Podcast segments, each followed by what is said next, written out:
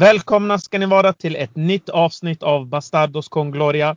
Vi skriver in avsnitt nummer 73. Eh, som det har svängt i den här podden, upp och ner, upp och ner. Tom, hur känns det i dagsläget? Välkommen till podden förresten. Tack så mycket. Men det känns bra. Eh, hemma hos eh, päronen så här över jul. Eh, fått eh, få lite mat serverad och känner mig, känner mig taggad för ett, ett nytt avsnitt. Så det blir nog skitbra. Härligt, härligt. Eh, ja, nej men som sagt, eh, vi, när vi skrev in 71 och 70, då var det väldigt tveksamt. Nu är vi 72, 73, så det svänger fort i Real Madrid-vägar. Det är nästan lite jobbigt. Verkligen. Vi har med oss också en väldigt speciell gäst ända från Göteborg. Rebaz, välkommen till podden min vän. Tack så jättemycket. Jättekul att få vara med idag. Kul att ha dig här. Eh, vi ska gå in rakt på sak grabbar. Eh, vi drar inte ut på det. Eh, Real Madrid eh, gick i ett hett derby mot Atletico Madrid. Eh, vi pratade lite i avsnitt 72 där om stommen och hur viktiga de är. Eh, Tom, vad, vad, vad, känner du i just i det här derbyt? För inför var man ändå lite orolig, men vad, vad kände du kring matchen? Vad tyckte du? Uh, nej men alltså inför så var ju jag för en gångs skull något eh, optimistisk på något vänster, vilket jag nästan aldrig är. Och, och för en gångs skull så, så fick jag ju rätt också. Uh, jag uh, tyckte väl egentligen att det var ganska komfortabelt hela vägen och Atletico ställde sig lågt och vi spelade faktiskt ganska bra. Och, och från i alla fall att från att Casemiro sätter, sätter första så kände, det, kändes det ju aldrig riktigt uh, osäkert på att vi faktiskt skulle ta den där. De hade något läge an, tidigt i andra halvlek men, men det var en ganska komfortabel vinst uh, som jag blev väldigt positivt överraskad av ändå att det kändes så pass, så pass säkert. Mm. Eh, tycker du att det är lite störande Tom att, att Real kan vara så bra i de här större matcherna men när det kommer till lite andra lag så slår man av på takten. Är det lite störande? Vad tycker du själv? Ja, jag tycker absolut att det är störande. Uh, alltså, det, det är ju såklart att det är hur gött som helst att spöa Atletico och, och Inter och, och, Barca och så vidare. Men du vinner ju ingen, du vinner ingen liga om man inte kan spöa eh, ja, men Osasuna eller Alaves eh, och så vidare heller. Um, men jag tror också att alltså det, det, blir det här med när Zidane börjar prata om att det är final då, då, tänder, de, då tänder vi till. Uh, men när det är Alaves hemma då blir det gärna avslaget. Så det är klart att det är irriterande. Uh, men jag tycker ändå det har funnits intentioner nu som visar att spelet liksom rullar igång och att det, det, det går åt rätt håll definitivt. Sen får vi hoppas att det fortsätter också. Exakt, absolut. Rebaz, eh, vinst mot Sevilla, eh, vinst mot mm. Bach och mm. vinsten här i derbyt. Vad kände du kring derbyt när du såg den? Nej, men jag tyckte lite exakt så som Tom inne på att jag var aldrig orolig när vi väl var på plan. Eh, inför så var jag lite mer, jag delar din åsikt där med när att eh, nej, men det var lite darrigt och man var lite nervös inför att eh, Luis Suarez skulle göra mål på oss igen som han har gjort så många gånger i Barcelona. Mm. Så det är, det är ingen grej man liksom är ovan vid. Men sen tycker jag att vi har fullständig kontroll på Atletico Madrid under 90 minuter. Suarez vet inte ens om han syntes hela första halvlek egentligen fram till att han blev utbytt. Det var första gången man såg honom i bild egentligen. Och sen också tre raka vinster utan att släppa in ett mål. Eh, där vi har haft en defensiv som har varit lite svajig emellanåt. Speciellt mot laget som har ställt om eh, på oss då. När vi inte har haft så mycket bollinnehav och så vidare. Eller när vi har haft mycket bollinnehav. Mm. Eh, så det, nej men derbyt var jag väldigt nöjd med måste jag säga. Kan vara en av de mest stabila vinsterna jag sett oss göra i år. Jag håller faktiskt med er två grabbar. Eh, Real Madrid var väldigt stabila. Eh, man låste Atletico. Gav lite deras egna medicin. Jag tycker Real Madrid gör det bäst mot just också Diego Simeone. Där har Zidane edgen mot just honom. Och jag tycker som du säger Ebbas, alltså Luis Suarez var ju katastrofal. Eh, man, man såg mm. inte honom på planen. Och han gör ju dessutom nu här senast, och eh, tror jag att de mötte Elche, då gör han ju ändå två mål. Eh, så det är ju något, något mot Real Madrid som det, det låter sig och Real Madrid var så pass bra. Eh, Rebas, får jag fråga dig här nu då. Eh, mm. Är det du en styrka att Real Madrid vinner nu mot eh, Sevilla, Gladbach och Atletico Madrid? Eller tycker du varför ska det behöva gå så långt för att det ska hända? Mm. Förstår du vad jag ja, menar? Ja, precis. Alltså det är lite det här kniven mot strupen scenariot som det känns som att den här truppen någonstans liksom myser det. Om man kollar på spelare som vaknar upp i de här tre matcherna. Vi har ju Kroos som spelar fantastiskt, och Modric som spelar fantastiskt. Jag har Varann som vaknar till för en gångs skull, som jag tycker har varit totalt under isen stora delar av den här säsongen och även hela vägen sedan Corona. Så ja, det är svårt att säga riktigt. Eh, att det ska behöva gå så här jävla långt. Eh, varför det är så, men Ja, jag vet inte riktigt vad jag ska säga mer än att eh, det känns som att vi är som bäst när vi ligger som risigast till nu för tiden. Mm. Eh, och jag gillar inte det för det känns darrigt och det är lite som Tom var inne på förut också, det här med att vi inte kan sätta det mot de här mindre lagen då. Att det blir jobbigt att kunna föra de matcherna helt. Att vi måste ha de här eh, elden i arslet för att kunna prestera så här och det, det tycker jag inte om alls. Nej. Tom, kan du har, har du någon liten förklaring på varför det kan se ut så här i, i just Real med att man måste ha kniven mot strupen för att det ska fungera? Eh, vart kan man sätta fingret på det här någonstans tycker du? Det är svårt. Eh, alltså det, man kan väl kanske diskutera om det är en trupp som har vunnit väldigt mycket och kanske är lite bekväma. Eh, många av spelarna åtminstone, även om jag tror att det kanske inte är hela förklaringen. Eller om det handlar om underskattning när man möter de här lite mindre, mindre lagen på hemmaplan till exempel. Eh, för att det jag tycker man ofta ser är ju bara att det blir väldigt lojt. Eh, ja, men till exempel mot Alaves eh, när vi torskar där. Eh, sen om det, om det handlar om att man, man underskattar motståndaren eller att man helt enkelt är lite, lite mätta så det är svårt att avgöra. Det, det är nästan, jag satt precis och tittade på eh, Manchester United mot Leeds. Så att jag vi hade det exemplet tydligt i, i huvudet. För att där har det också varit lite samma sak eh, under, under Solskär. Att så fort det snackas om att han ska bli av med jobbet så tänder de till och nu ligger de trea i ligan och slog Leeds hemma med 6-2 liksom. Precis. Eh, det, det, är nästan lite liknande situation även om det kanske, kanske är lite på, på lite olika nivå vill jag ändå, vill jag ändå hävda. Mm. Mm. Absolut. Nej men eh, jag håller med er båda två. Eh, det är svårt att sätta fingret varför det sker men såklart att man har ju några saker som man vill ta upp. Till exempel mätta spelare. Vi har ändå spelare som har vunnit tre raka Champions League-titlar. Det ska man inte ta lätta på.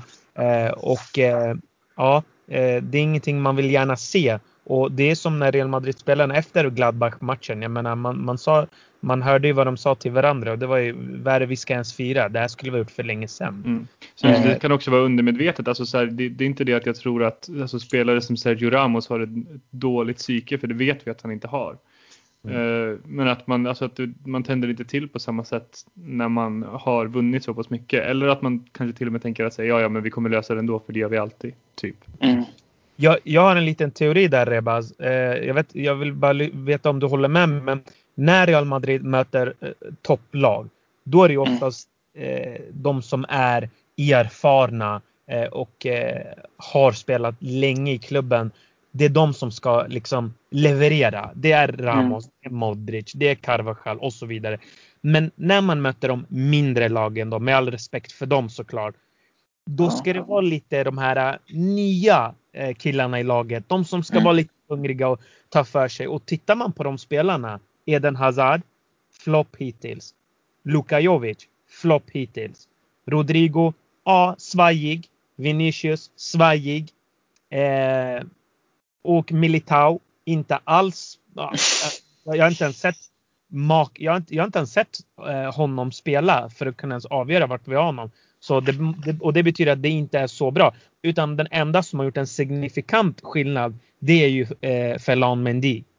Tror mm. du ligger något i det jag säger att de här spelarna som inte har så mycket erfarenhet att det är de som borde ändå visa lite hunger mot de här lagen för att visa fram fötterna. Men de lyckas inte göra det eller har inte kvalitet nog. Tror du att det kan ligga i något i det jag säger?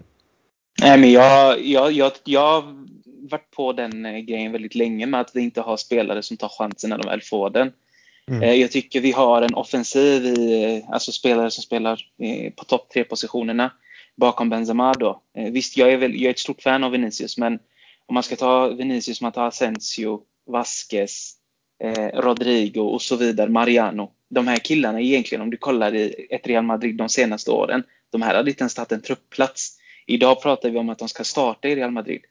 Mm. Sen tycker jag Vasquez gjort jättebra. Man kan inte ta det ifrån honom, men sett till hans kvalitet så är det ingen Real Madrid-spelare. I alla fall inte en startspelare i Real Madrid. Och jag tycker att det är vårt största problem, det är att vi inte har spelare som liksom kan visa framfötterna och ta chansen. Det känns inte som att hunger finns bland de unga heller. Eh, det, finns, det finns ingen karaktär bland dem. Liksom det, är, det, det, det, känns så, det känns så tafatt i sista tredjedelen och även på vissa andra positioner ibland när spelare kommer in blir man liksom Fan, är det här vår framtid? Då, då, då är inte Milan 2.0 långt bort alltså. Nej. Lite så känner jag. Ja, Tom, eh, tror du att det är Zidans, eh, inte fel, men tror du att Zidane är rätt man för att ta de här unga spelarna framåt eller tror du han ska ha ett stjärnlag och han ska bevara harmonin och ta det därifrån? Och inte för att förminska Zidane som en taktiker utan vi vet att han har taktiska skickligheter. Men vad, vad, tror du just om det här eh, spelet med unga? Tror du att han har det här? För, för att om, om vi backar tillbaka bara lite bandet grabbar, eh, Tom, innan du kommer in här. Jag kom på just att när Zidane hade Castilla, det var inga fantastiska resultat. Mm. Och Zidane hade riktigt bra Castilla på den här tiden, vad jag minns.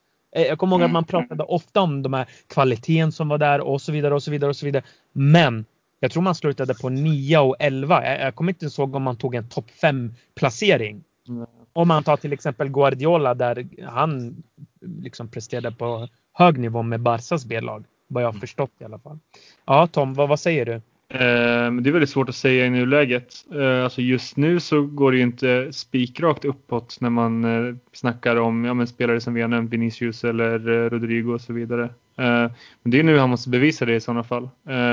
Sen vad jag tror, det blir bara att spekulera, men, men jag, jag, är inte helt säker på att han är den tränaren som ska ha det uppdraget om ni förstår vad jag menar. Eh, otrolig tränare såklart och har ju vunnit hur mycket som helst med en väldigt stark trupp, men jag är inte helt säker på att han är den som kanske genomför en generationsväxling eh, smidigt och, liksom, och, och får igång 18, 19, 20-åringar till att bli superstjärnor som, som, den, som de ändå måste bli om de ska vara startspelare i Real Madrid. Mm. Uh, där tror jag det finns, alltså just på det, i den kategorin finns det väl bättre tränare. Uh, men sen är frågan om, då måste ju klubben också prioritera hur man ska göra och hur man ska gå tillväga. Man kan inte heller välja att göra sig av med Zidane på grund av det. Det känns ju alldeles för drastiskt.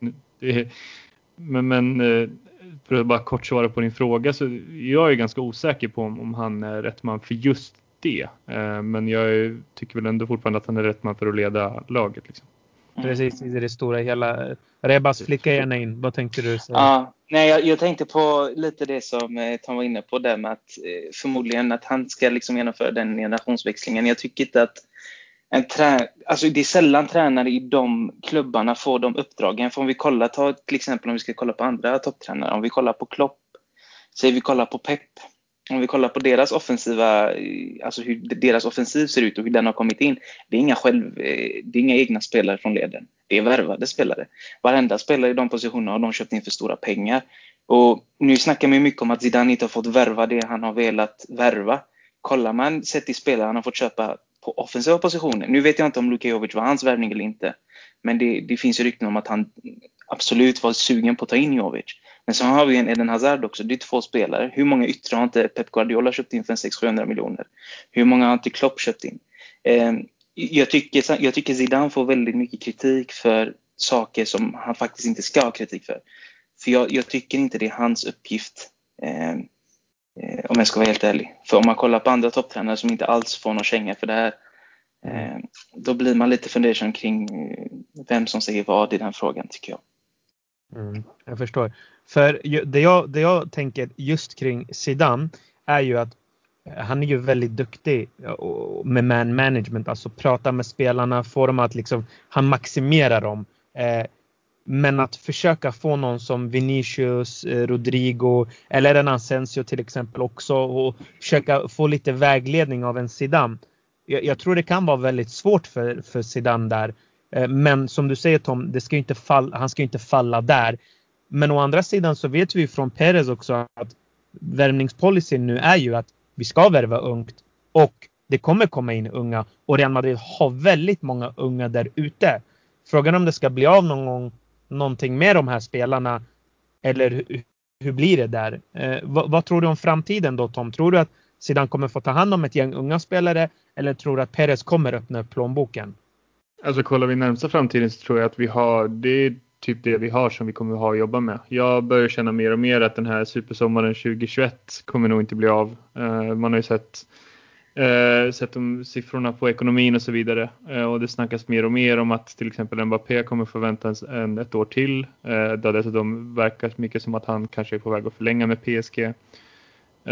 så att jag tror att i stora drag med kanske något undantag såklart kommer det vara typ den här truppen man har att jobba med. Och, och grejen är att någon gång måste en generationsväxling ske. För att vi har ju, alltså vår viktigaste spelare nu tycker jag är fortfarande är Ramos. Och han har ju inte alltså, så många säsonger kvar i sig. Det är svårt att säga exakt hur många, men 35 år.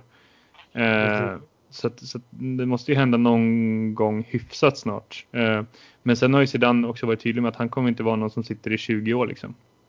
Eh, så det är väl inte hans eller han ser det väl inte som sin uppgift att förbereda truppen tio år framåt heller. Liksom.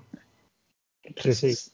Mm. Ja, men, eh, ja, men jag håller helt med. Eh, och det ska bli intressant att se vad som händer. Men rapporten som kom ut eh, om det ekonomiska är ju att man har gått 313 000 euro mm. i plus. Det är kaffepengar. Ja, precis.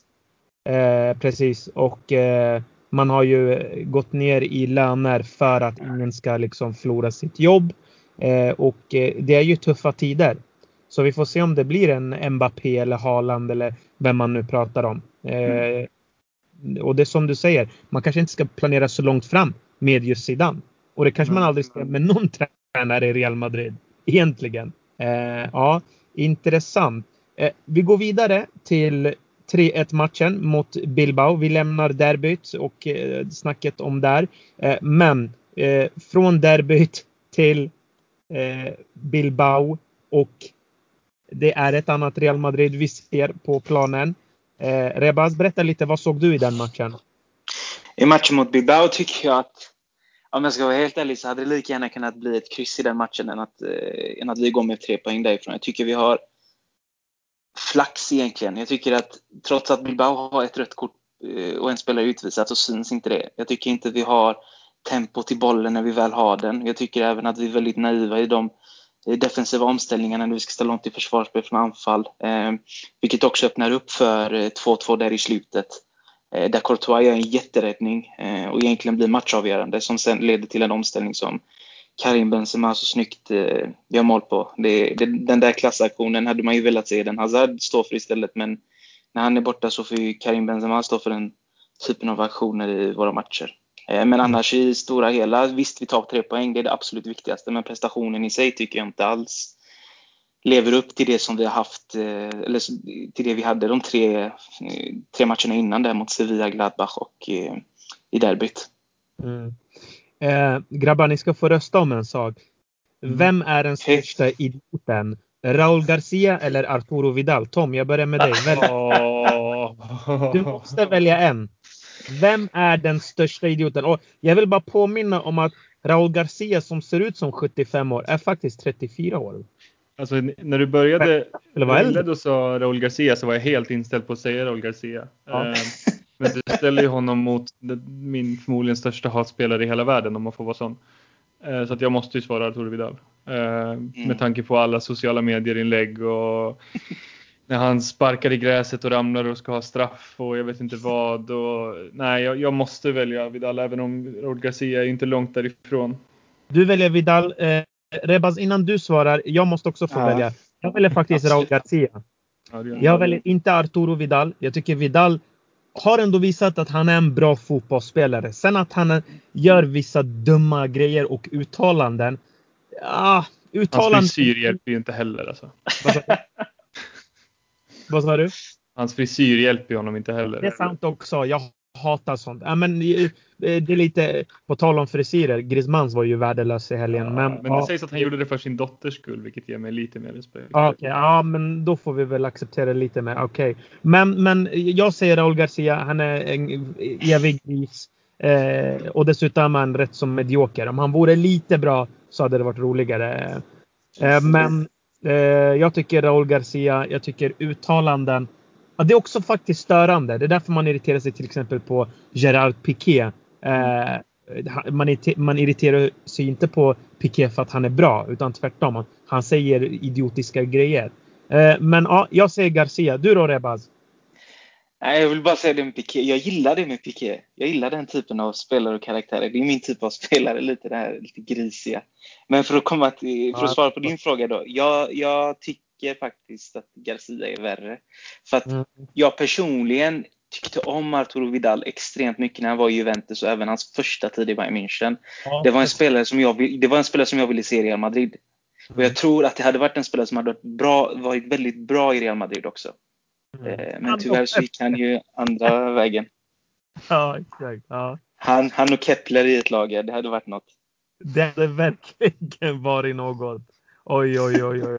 Eh, Ramos, ja. Ramos är inte mycket sämre än dem om man säger så direkt. Nej, ja, men, men precis, precis. Okej, ja grabbar, det föll på Raúl Garcia. Men eh, vi, vi pratar ju om det här på grund av att, ja men vilken idiot att ta rött kort i 13 matchminuten. Och härifrån tror man då att Real Madrid ska ta över matchen. Nu är det bara en eh, träningsmatch som ska spelas av, liksom Real Madrid vinner enkelt. Grabbarna blir inte trötta. Zidane gör byten i 60 Nej, så blev det inte Tom. Nej, eh, och jag var faktiskt inte ens min pessimism kom tillbaka när Orgasia, när Orgasia blev utvisad. Eh, för att jag, jag satt och snackade med en polare under tiden som, som inte håller på Real. Eh, mm. och han sa, ja ah, men då är det ju klart. Och jag bara, nej nej nej. Kolla, kolla på det här, vi, vi kommer skövla bort det här på något sätt. Sen gjorde vi, sen gjorde vi 1-0 och jag bara, men ja okej okay, kanske. Och sen så kvitterade de på, på att vi inte vet hur man försvarar helt plötsligt. Mm. Och sen så har vi den där superräddningen av Courtois som, som du säger blir helt matchavgörande. Ehm, men jag har upprepat det många gånger eh, att det enda jag räknar just nu är tre poäng. Ehm, om det ser mindre bra ut i vissa matcher, okej okay, men då får det vara så. Vinner vi, då, då har jag inte så mycket att invända just nu. För att vi är inte i en position, tycker jag, där man kan vara allt för hård på hur det ser ut på plan. Eh, vinner man matcher så vinner man matcher. Eh, men sen är det klart att det, det, är oroväckande på sätt och vis. Eh, speciellt när man ser Modric som ser ut som att han knappt orkar gå framåt slutet. Mm. Eh, han har spelat väldigt, väldigt mycket fotboll på sistone. Eh, men, men en vinst är en vinst. Eh, tre poäng i ligan. Det är väl det som betyder, eller räknas mest i min bok i alla fall. Mm. Tycker du att Zidane borde ha roterat i den här matchen? Alltså både ja och nej. Eh, för att med facit i hand så verkar det ju kanske som att vi behövde vår, vår starkaste elva eh, för att klara det. Men man kan också se det på ett så sätt att kanske piggare spelare snarare än, än Luka, eh, eller vad säga Luka Jovic. Han var tyvärr inte med, min favoritspelare. Eh, Luka Modric kanske hade gjort ett bättre jobb. Eh, svårt att avgöra men, men ja, alltså nu, jag vet inte hur, jag har inte siffrorna framme på hur mycket Modric har spelat på sistone men det känns som att han han, det börjar bli lite slitigt där för honom. Det såg så ut i alla fall. Mm. Mm, absolut. Eh, Rebaz, har du någonting mer att tillägga just om Bilbao-matchen?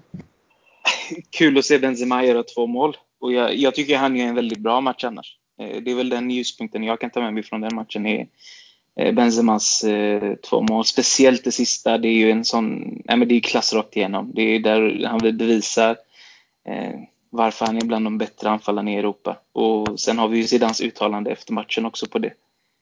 Och där han sa att Benzema är den bästa franska anfallaren genom tiderna. Ganska magstarkt måste jag säga. Ja, ja, jag älskar ju Thierry Henry och jag tycker ja, det är en svår jämförelse men Benzema är ju där uppe bland franska anfallare, eller bland mm. många men bättre än Henry vet jag inte. Det, då, det Nej, jag tycker inte det. Nej, inte, inte. Det beror på om man jämför högsta nivå eller över tid också. Henry drog väl till USA ungefär i den här åldern. Jo, det stämmer Men ju. högsta nivån har han ju över Benzema, det håller jag med om. Absolut. Men sen, sen är hur giftig han blir när han väl är i boxen och inte står mm. på vänsterkanten och försöker slå inlägg. Precis. Alltså när han väl är i boxen så är han ju, det såg vi mot Gladbach också. Mm. Eh, att han är hur farlig som helst när han är inne i boxen och kan han utveckla det ännu mer så, eller han behöver inte utveckla det så mycket mer men han är en otrolig targetspelare på sätt och vis. Han suger ner bollar bra också. Absolut. Ja, det, det är två olika eror och det är lite svårt att dra en jämförelse men jag tycker Zidane ändå eh, det är ju en del av Zidane också att, att hylla sina spelare eh, till skyarna och det är jätteviktigt också att han ger dem den här boosten för Benzema är ju en sån spelare som kommer behövas till säsongen är slut. En annan spelare jag vill lyfta fram det är Tony Kroos. Wow vilka insatser från Tony Kroos. Och jag menar den killen, 92% passningssäkerhet är väl hans sämsta match. Mm. 99 är väl hans bästa. Eh, han är en spelare, jag tycker många gånger som... Det är en fråga jag får mycket från neutrala fan. Oh, hörru, den här Tony Kroos, vad, gör han egentligen i ett lag? Mm. Jag ser honom bara passa. Jag, jag, vet inte, han ser så seg ut och han är inte stark, han är inte snabb. Vad är det han gör egentligen? Jag, jag brukar säga, ni måste titta på fler matcher när Tony Kroos spelar för att få en bra bild av det han gör. Men vi ser ju när han sätter tempot i spelet, hur han får det här laget att ticka och tacka. Eh, nej, jag måste verkligen hylla Tony Kroos i det här. Verkligen. Jag håller med eh, dig helt. Grabbar, eh, lottningen i Champions League. Vi måste även prata om det. Det föll på Atalanta. Eh, Rebaz, vad känner du spontant kring den lottningen i Champions League? Eh, blandade känslor. Det är väl inte den tuffaste, tycker jag. Men jag tycker samtidigt att det är ett som inte passar oss så bra. I och med att jag tycker att de defensiva omställningarna inte har sett så bra ut. Eh, om vi bara kollar, får de den omställningen som Bilbao får mot oss i slutet av matchen så gör de mål. Mm. Eh, och då, det, nej, jag vet inte, jag är inte jättenöjd men det kunde varit värre om man säger så. Mm. Jag såg att Papo Gomez eh, också eh, inte kommer komma till spel. Han kommer eh, bli såld i januari och detta är bekräftat från Fabrizio Romano, journalisten som har koll på Silly-läget. Tom, eh, vad, vad, säger du om det här mötet? Uh, det var väl ungefär mellanmjölk om man tittade på vad vi kunde få. Uh, mm. Jag tror, alltså vi borde, visst har vi borta först va? Om jag inte minns fel. Uh, jag har inte pejl ja. på läget, men mycket um, möjligt. Mig det. Ja, vi har borta först. jag mm. tycker ändå att Atalanta är ett lag som är så pass naiva och sen så pass så pass liksom fasta i sitt sätt att spela så att vi borde kunna nästan punktera det första matchen om vi gör en bra match. Eh, de är lite i samma fåra som jag placerar in kanske, kanske Leipzig också. Att det, kan bli, det kan bli torsk 0-5 mot United eller så kan man vinna och gå vidare. Mm. Eller som Leeds som jag är väldigt inne på Leeds nu för jag är hemma hos farsan och det är farsans lag. Eh, men som ena matchen vinner med 5-2 mot, eh, mot Newcastle och sen nästa match torskar man med 6-2 mot, eh, mot Manchester United. Mm. så det, det, känns lite, jag tror inte det blir, jag tror inte att det blir några tråkiga matcher, men jag tror att gör man en bra bortamatch så borde det där vara punkterat. Jag, jag är faktiskt inte särskilt missnöjd med den lottningen och sen som du säger att Papo Gomez förmodligen kommer försvinna. Eh, det skadar ju inte heller direkt. Eh, grym fotbollsspelare. Sen är det svårt att se vart han ska gå. Eh, men det kanske är för en annan podcast, jag vet inte. Um, mm. nej, men jag, jag, tycker inte, jag, jag blev inte besviken över lottningen. Så kan jag säga. Nej, exakt. Jag vill bara flika in det. Jag, jag skulle säga att om vi kollar på vad heter det, Atalanta i första matchen där när vi möter dem borta. Då vill man ju se en spelare som Vinicius starta tycker jag. För de kommer ju lämna ytor bakom sig. och Då vill vi ändå ha omställningslägen i sista tredjedelen. Och en spelare som går rakt. Har vi en Marco Asensio som startar istället. Eh, då kommer han bromsa in varenda omställning, vilket han har gjort i, sen han kom tillbaka från skadan. Så jag tror startelvan kan bli extremt viktig i första mötet mot Atalanta. Mm. Och vid det laget så hoppas jag på att Eden Hazard är tillbaka också. Ja, det är självklart. Det. Men jag, jag, jag har lite räknat bort honom nu när det kommer. ja, jag fattar det. Det är nog många som har gjort starthelvor. Ja, ja. Det är klart, är han med så är det ju absolut ett eh, tillskott som man välkomnar. Ja, verkligen. Det där, där är ju, det där är ju ett, där kan vi liksom ett helt poddavsnitt på tre timmar om Sanitas och skador och hur Real Madrid har gått sedan några år tillbaka vad gäller vi är ju prime Wenger och Arsenal när det var liksom skador på skador och avslutade karriärer typ. Det är väl där vi kommer snart komma till. Men eh, ja, eh, vi får se. Atalanta, jag säger att eh, det är en tacksam uppgift på ett sätt. Eh, på, med tanke på att, som ni säger, de har en hög höjd men lägsta nivån är inte bra och jag tror här kommer Real Madrid eh, visa sin rutin och gå vidare på det. Och vet ni att den veckan grabbar, lyssna på det här. Atalanta Real Madrid, Real Madrid Real Sociedad, Atletico Madrid Real Madrid. Ja, det var en häftig vecka det där. Mm. Eh, inte lätt, ska vi säga. Eh, och det leder oss till nu schemat som här stundar Tom. Vi var lite inna, inna, inne på det innan, vi alla tre här. Vi pratade om schemat och hur hektiskt det är. Det är redan match nu eh, mot Eibar, Granada, Elche.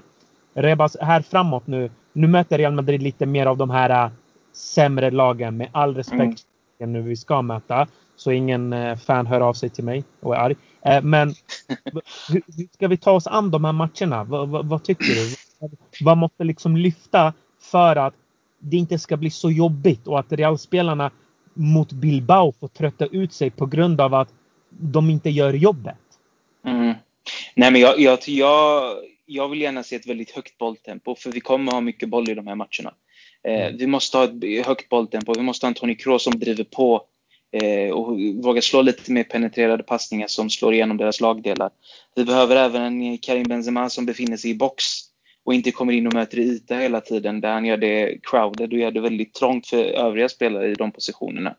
Vilket jag tycker har varit en av de stora svårigheterna i vårt spel när vi har spelat mot sämre lag. Det är att Benzema droppar ner för mycket och gör att det blir alldeles för trångt. Och då hamnar vi ute på kanterna och slår in tafatta inlägg och målvakten plockar upp dem. Liksom. Så jag hade velat se högt bolltempo, ett inläggsspel som vi alltid spelar, men där vi har spelare som fyller på i boxen och sen varierar det med kombinationsspelet. Då. Eh, då tror jag definitivt att vi kommer kunna slå de här lagen med flera mål. För jag tycker det har sett jättebra ut emellanåt nu det senaste. Mm. Tom, vad säger du? Vad är nycklarna här framåt? Eh, nej, men jag, jag, håller med om allt som har sagts. Eh, jag vill bara flika in att alltså, Granada står på samma poäng som Barcelona just nu. Eh, så det, det, är nog inte så lätt som man kanske kan tro på förhand, även om de kanske inte haft så många av de här tuffare matcherna. De fick väl storstryk mot Atletico om jag inte minns fel. Eh, men, men absolut, eh, och jag är också mycket inne på det här med att Benzema är en spelare som gillar att ha bollen vid fötterna och gärna, och gärna möter och, och, och kommer in nära och gör det kanske lite, lite trångt. Eh, så att, att ha honom i boxen hade verkligen inte skadat. Det har vi fått, fått, fått se nu svart på vitt också. Ehm, men det är många matcher på kort, på kort tid här över jul, juldagarna. Så, och alla är definitivt möjliga att vinna. Så att att vinna så många som möjligt helt enkelt. Eh, som jag sagt många gånger, jag sagt till och med idag, tre poäng är allt jag räknar just nu. Så att en, en 1-0 vinst på en straff är inget jag gnäller över i nuläget heller. Liksom. Nej. Eh, bra, bra poäng från er båda. Jag tror också att det, det är viktigt att Real Madrid när man har boll, eh, ett, ett högre bolltempo och inte står och rullar runt den än för mycket. Det känns som att man också har gjort det lite på sistone. Att man bara rullar runt också. Det också har blivit mm. någon, någon, någon, sjukdom. Man står där och väntar och väntar och väntar och väntar. Och, ja, men, ni hade ju läget från början. Dra ett skott eller dra det liksom eh, i, i ytan bakom motståndarnas backlinje eller i de här fickorna. Men då gör man inte det. Istället drar man, spelar man runt den och då ska man slå ett inlägg sen till slut. Så det är också en sån grej. Att bolltempot, upp med det och sen rätt val av vissa typer av spelare. Jag har ju räknat ut en spelare som Asensio till exempel. Jag tycker att han inte är Real Madrid-duglig. Jag tycker att det finns bättre spelare som kan utmana och har en annan slags mentalitet. Och det är också viktigt för eh, laguttagningen. Eh, och visst, laguttagningar är svåra att, att liksom klaga på och, man, och ge Zidane skit för det. Men man, jag vill ändå inte att Zidane ska göra för dumma grejer. Att, saker som liksom tydligt att varför gjorde du det nu i den här matchen? Eh, rotationer kan man alltid göra, men som ni säger, jag hoppas att Zidane väljer också rätt typ av spelare. Snart är ju till exempel en Luka Jovic tillbaka. Han behöver man också få igång. Rebaz, jag vet vad Tom tycker. Vad tror du om Luka Jovic? Tror du det är en spelare Real kan rädda?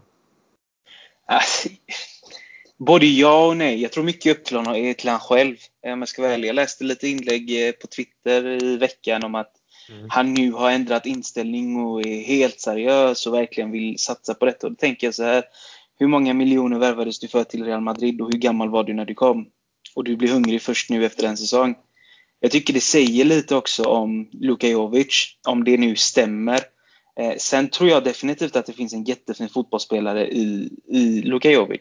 Men jag var själv kritisk till värvningen för jag hade svårt att se honom få den speltid han behöver för att kunna ta de kliv han verkligen kan ta i Real Madrid. Men när du har en Karim Benzema som just nu spelar sitt livs fotboll. Eh, så jag, jag, jag hoppas att det går att rädda honom men jag är pessimistisk.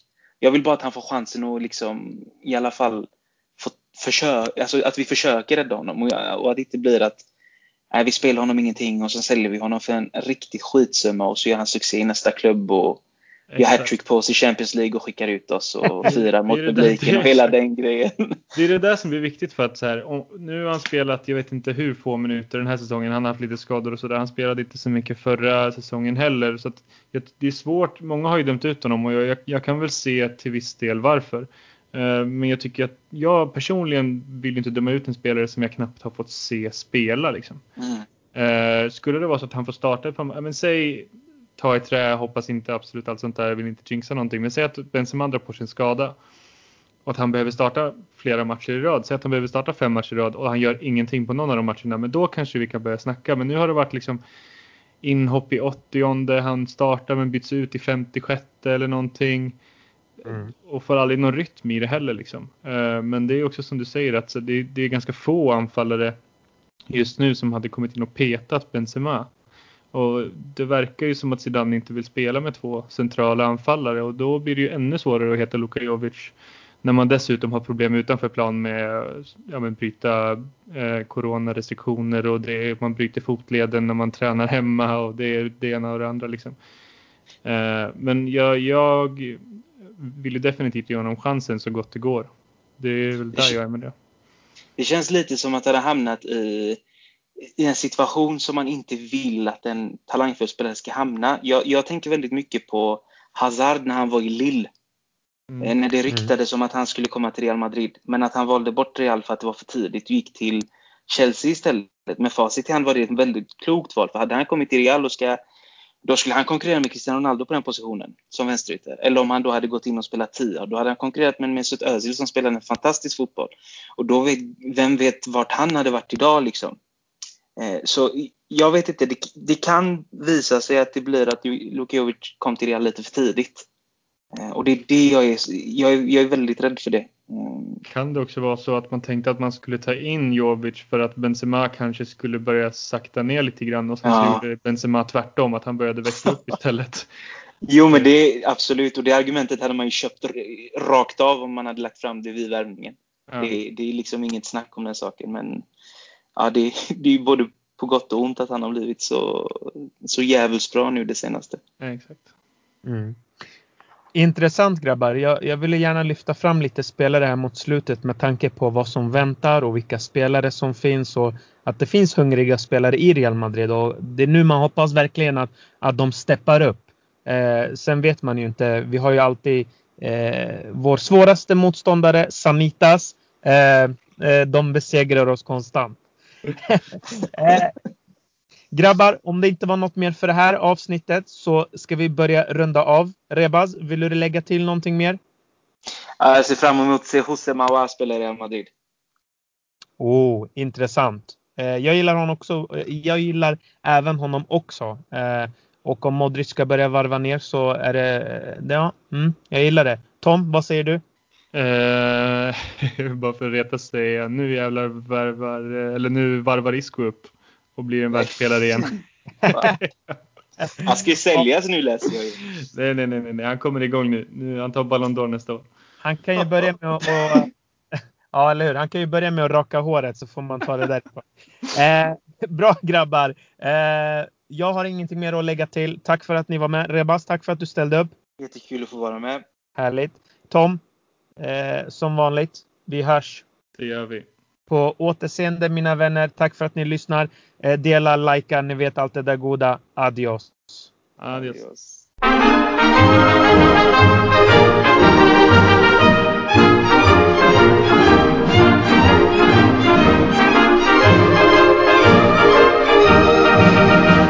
las glorias deportivas que campean por España. El Madrid con su bandera, limpia y blanca que no empaña. Club castizo y generoso, todo nervio y corazón Veteranos y noveles, veteranos y noveles miran siempre sus laureles con respeto y emoción. A la Madrid, a la Madrid, noble y bélico Adalid, caballero del honor. A la Madrid, a la Madrid. A triunfar en buena lid, defendiendo tu color. A la Madrid, a la Madrid, a la Madrid. A la Madrid, a la Madrid. Noble y bélico Adalid, caballero del honor.